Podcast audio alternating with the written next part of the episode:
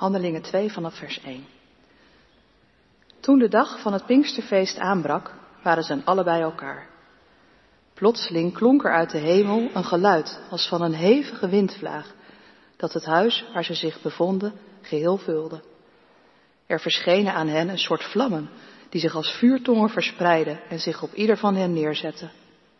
En allen werden vervuld van de Heilige Geest en begonnen op luide toon te spreken in vreemde talen, zoals hun door de Geest werd ingegeven. In Jeruzalem woonden destijds vrome Joden, die afkomstig waren uit ieder volk op aarde. Toen het geluid weer klonk, dromden ze samen en ze raakten geheel in verwarring, doordat iedereen hen in zijn eigen taal hoorde spreken. Ze waren buiten zichzelf van verbazing en zeiden, het zijn toch allemaal Galileërs die daar spreken? Hoe kan het dan dat wij hen allemaal in onze eigen moedertaal horen? Parten, Mede, Elamieten, inwoners van Mesopotamië, Judea en Cappadocië, mensen uit Pontus en Azië, Frigië en Pamphylië, Egypte en de omgeving van Cyrene in Libië, inwoners van Rome die zich hier gevestigd hebben, en ook mensen uit Kreta en Arabië, zowel Joden als proselieten. Wij allen hoorden hen in onze eigen taal spreken over Gods grote daden. Verbijsterd en geheel van hun stuk gebracht, vroegen ze aan elkaar, wat heeft dit toch te betekenen? Maar sommigen zeiden spottend, ze zullen wel dronken zijn. Ik ga verder bij vers 14. Daarop trad Petrus naar voren samen met de elf andere apostelen, verhief zijn stem en sprak de menigte toe.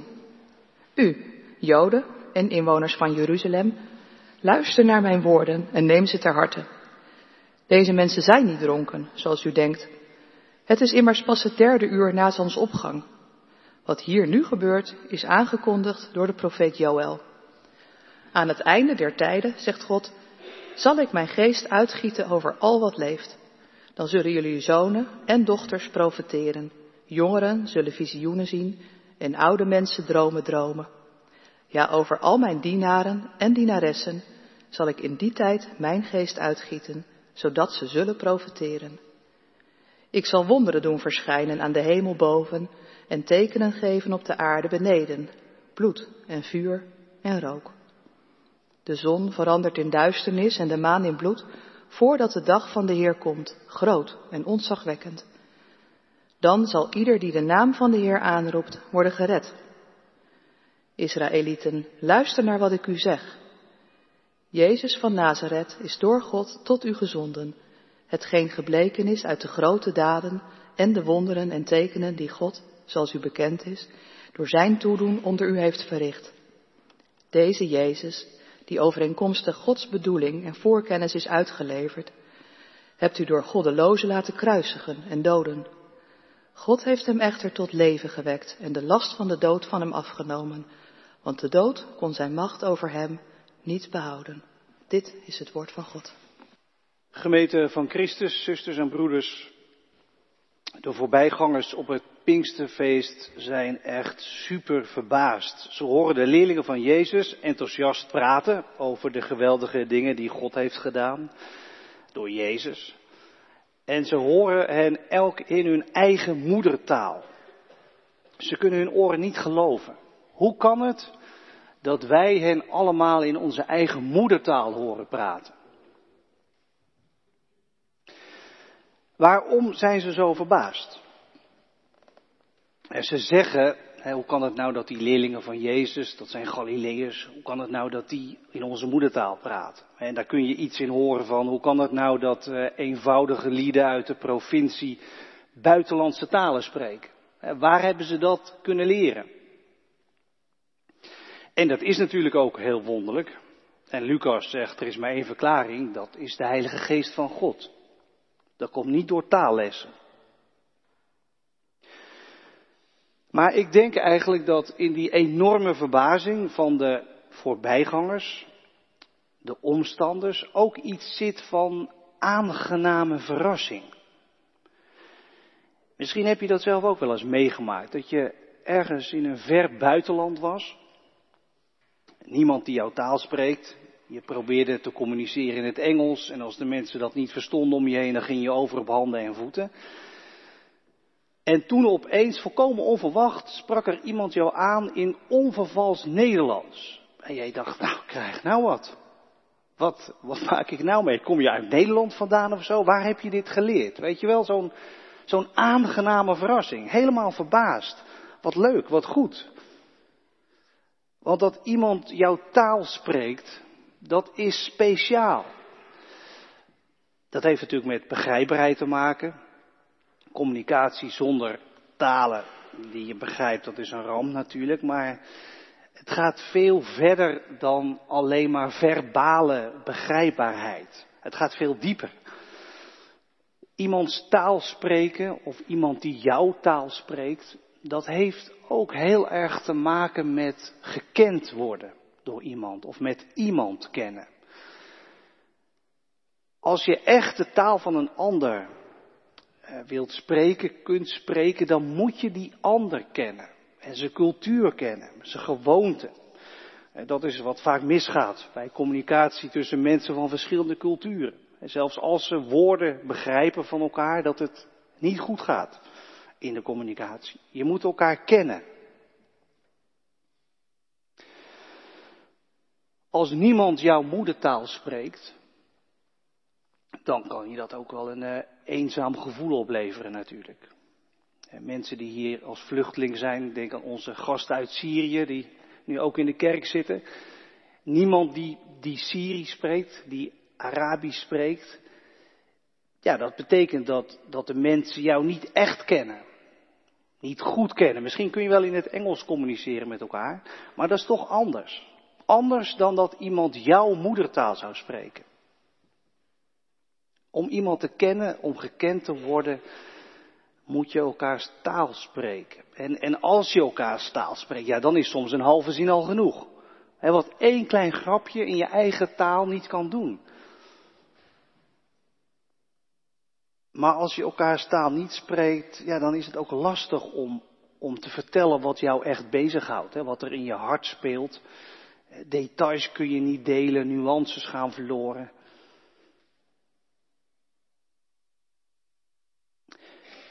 Eh, om elkaar goed te kennen, te begrijpen, moet je natuurlijk ook in figuurlijke zin elkaars taal spreken. Want ook als je alle twee Nederlands spreekt, dan kun je nog langs elkaar heen praten. En elkaar niet goed begrijpen, je niet aangesproken weten. En dat heeft te maken met, met cultuur, met achtergrond, met opvoeding. En vooral denk ik met de taal van je hart. Het is nog best lastig om, daar nou de vinger op te leggen wat dat nou precies is. Maar ik denk dat je wel begrijpt wat ik bedoel.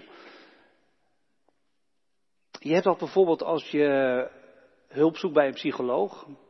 Dan, dan is het heel belangrijk dat er een klik is. En dat de taal die die psycholoog spreekt, de woordkeus, maar ook de manier waarop zij of hij de dingen interpreteert en verwoordt, dat het jou aanspreekt. En dat je denkt, oké, die, die spreekt mijn taal. Die, die begrijpt mij. Of denk aan sprekers of predikers. De een spreekt jou meer aan dan de ander. Het heeft allemaal met taal te maken. Heel veel met taal. En je kunt leren om elkaars taal te spreken. Maar dat betekent wel, als je het echt wilt leren, dat je die ander zo de moeite waard vindt, dat je je in hem of haar verdiept. Anders kun je nooit echt iemands taal leren. Dat je je echt verdiept in die ander. In zijn achtergrond, in zijn cultuur. Waar die vandaan komt, waar die van houdt. Noem maar op. En heel veel communicatie mislukt ook door, door een gebrek aan echte interesse voor, voor een gesprekspartner. Ja, en het is uh, lang niet altijd even makkelijk natuurlijk, communicatie. En er kunnen tijden zijn waarin jij denkt, ja, wie begrijpt mij nou echt? Wie kent mij nou zo goed dat hij de taal van mijn hart spreekt? Met Pinksteren maakt God ons dus duidelijk dat Hij de taal van ons hart spreekt. Onze eigen taal. Hij kent ons zo door en door dat Hij ons kan bereiken. Ook met woorden. De geest spreekt alle talen en is specialist in interculturele communicatie.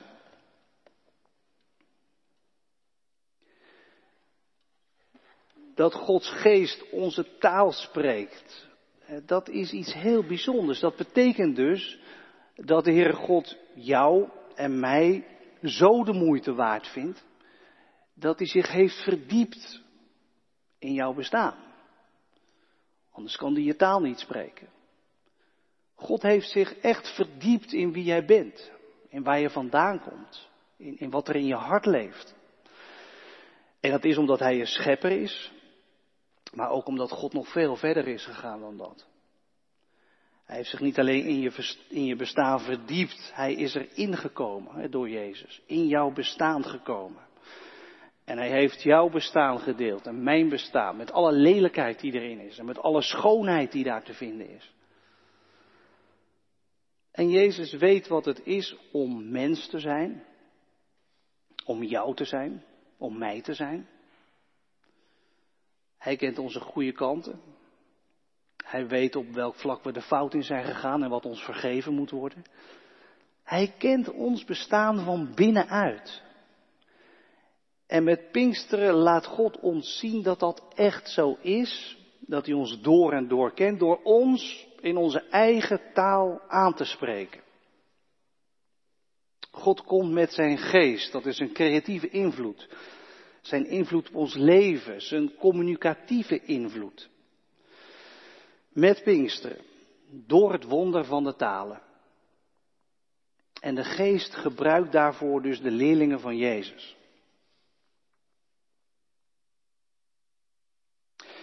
Ja, die voorbijgangers, die, die maken dat mee. Die, die worden aangesproken in hun moedertaal, die zijn verrast, aangenaam verrast, ook verward. En niet allemaal, overigens. Er zijn er ook die het te dichtbij vinden komen, die Gods geest te dichtbij vinden komen. Die proberen Gods geest op een afstandje te houden door het de gek mee te steken. Die zeggen, die lui zullen wel dronken zijn. En dat kan dus ook. Dat je Gods aanwezigheid, Gods geest, dichterbij voelt komen. Merkt dat het dichterbij komt, dat Hij dichterbij komt en dat je denkt afstand houden. Afstand houden van God. En hoe zit dat bij jou? Als de geest vandaag naar jou toe komt en dicht bij jou komt, heb je dan ook iets van afstand houden of, of juist niet? God raakt jou met zijn geest, met zijn aanwezigheid, communiceert hij. En hij spreekt een boodschap in jouw taal, op vele manieren.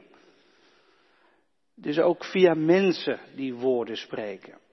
En die de geest dan maakt tot zijn woord voor jou. En ik hoop en ik bid dat dat vandaag in deze dienst ook gebeurt. Dat de geest desnoods één woord maakt tot zijn woord voor jou. Waarvan jij hoort, dit, dit is helemaal de taal van mijn hart. Mijn moedertaal. Dit, dit is een woord voor mij. De geest geeft jou een woord voor je uitzichtloosheid of je zorgen. De geest geeft je een woord in, in je falen en tekortschieten, in je schuld. Een woord van vergeving. De geest geeft een woord voor u in een situatie van ouder worden en afscheid nemen van de mogelijkheden van het leven. En de geest geeft een woord voor jou in je tienerjaren, als je op zoek bent naar wie je bent en waar het heen moet met je leven, God spreekt een woord voor jou. En ook voor jou in je onrust of je drukte of in je gekwetstheid of je onvrede, je boosheid, je jaloezie.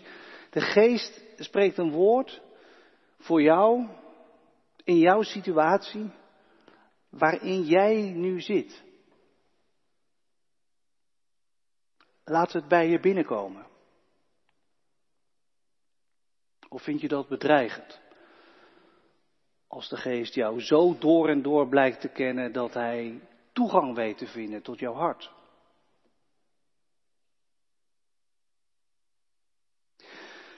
Welk woord geeft de geest je mee vandaag in je eigen taal? In de preek die Petrus houdt op eerste Pinksterdag vind je een hele kernachtige samenvatting van het woord dat de geest geeft, ook vandaag. Wat hij spreekt tot jou. De geest zegt jou vandaag dat jij, dat u in jouw situatie verder kunt. Waarom? Omdat God door Jezus verder is gegaan en ongekende mogelijkheden heeft geopend. Petrus vertelt over Jezus die dood was en die levend is. Die door de dood en de ondergang heen ging en die jou meeneemt er dwars doorheen. Petrus vertelt over een nieuw begin dat mogelijk is met Jezus. God geeft je een nieuw begin. God laat door Jezus zijn liefde in jouw leven binnenkomen. Je kunt verder, want Jezus gaat met jou verder. En zegt Petrus ook nog eens een preek, Jezus zit aan de rechterhand van God. En dat betekent, Jezus is Heer. En Jezus regeert. Je kunt verder met je leven in deze wereld, omdat Jezus Heer is. En niet machten van zonde of kwaad of chaos. Jezus is koning.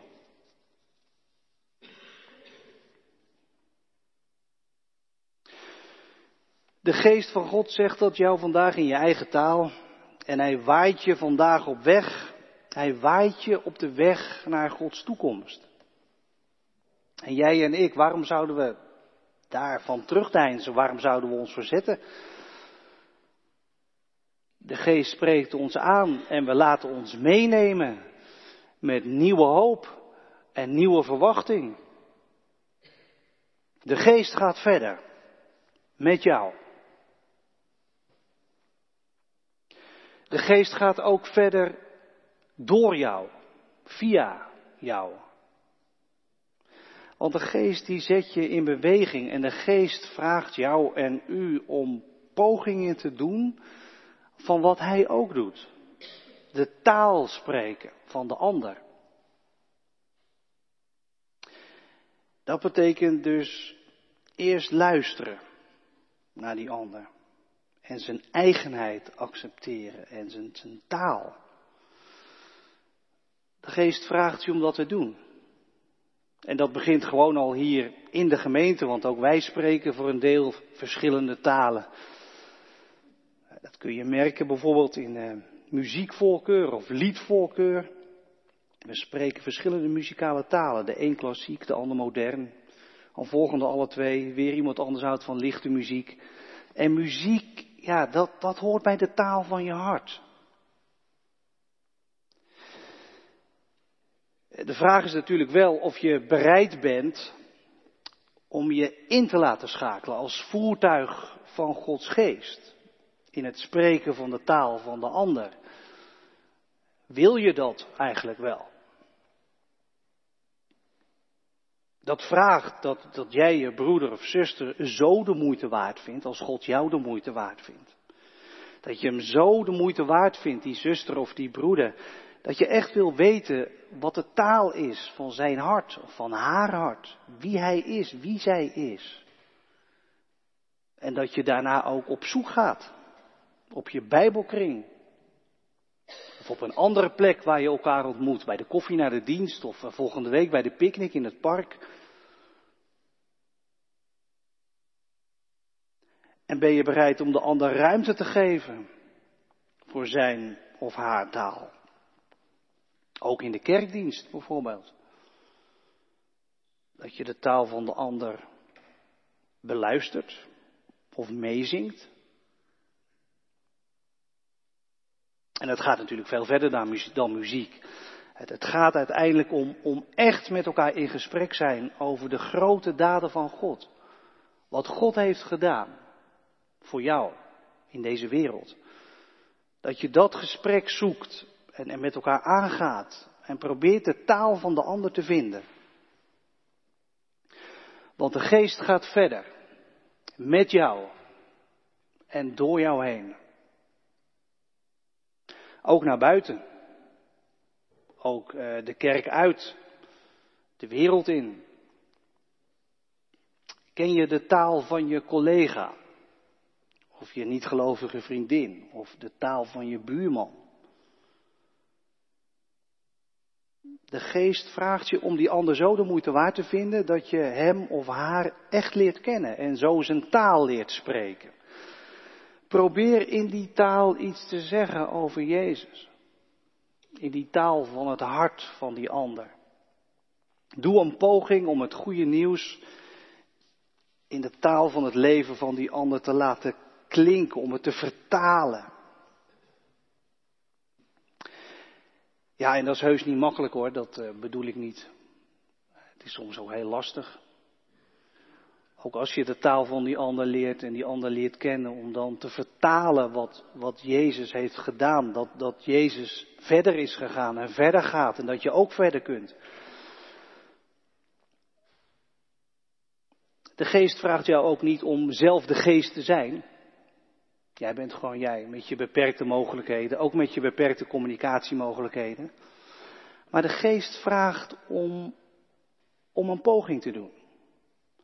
Dat je je in laat schakelen.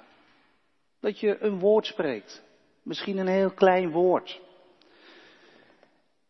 En de geest die is er en je kunt erop vertrouwen dat als jij die poging doet, de geest die woorden van jou wel zal gebruiken en tot herkenbare taal laat worden. Dus ga maar gerust op pad. Je bent een mens in wie de geest van God woont. Doe je ding, spreek je woord en vertrouw maar op dat de geest de weg wel weet naar het hart van die ander. Want de geest die spreekt alle talen en die doet ons elkaar verstaan. En de geest waait waarheen hij wil. En hij waait ons de wereld in. En hij waait ons naar de ander toe. En hij waait ons de toekomst van God binnen. Amen.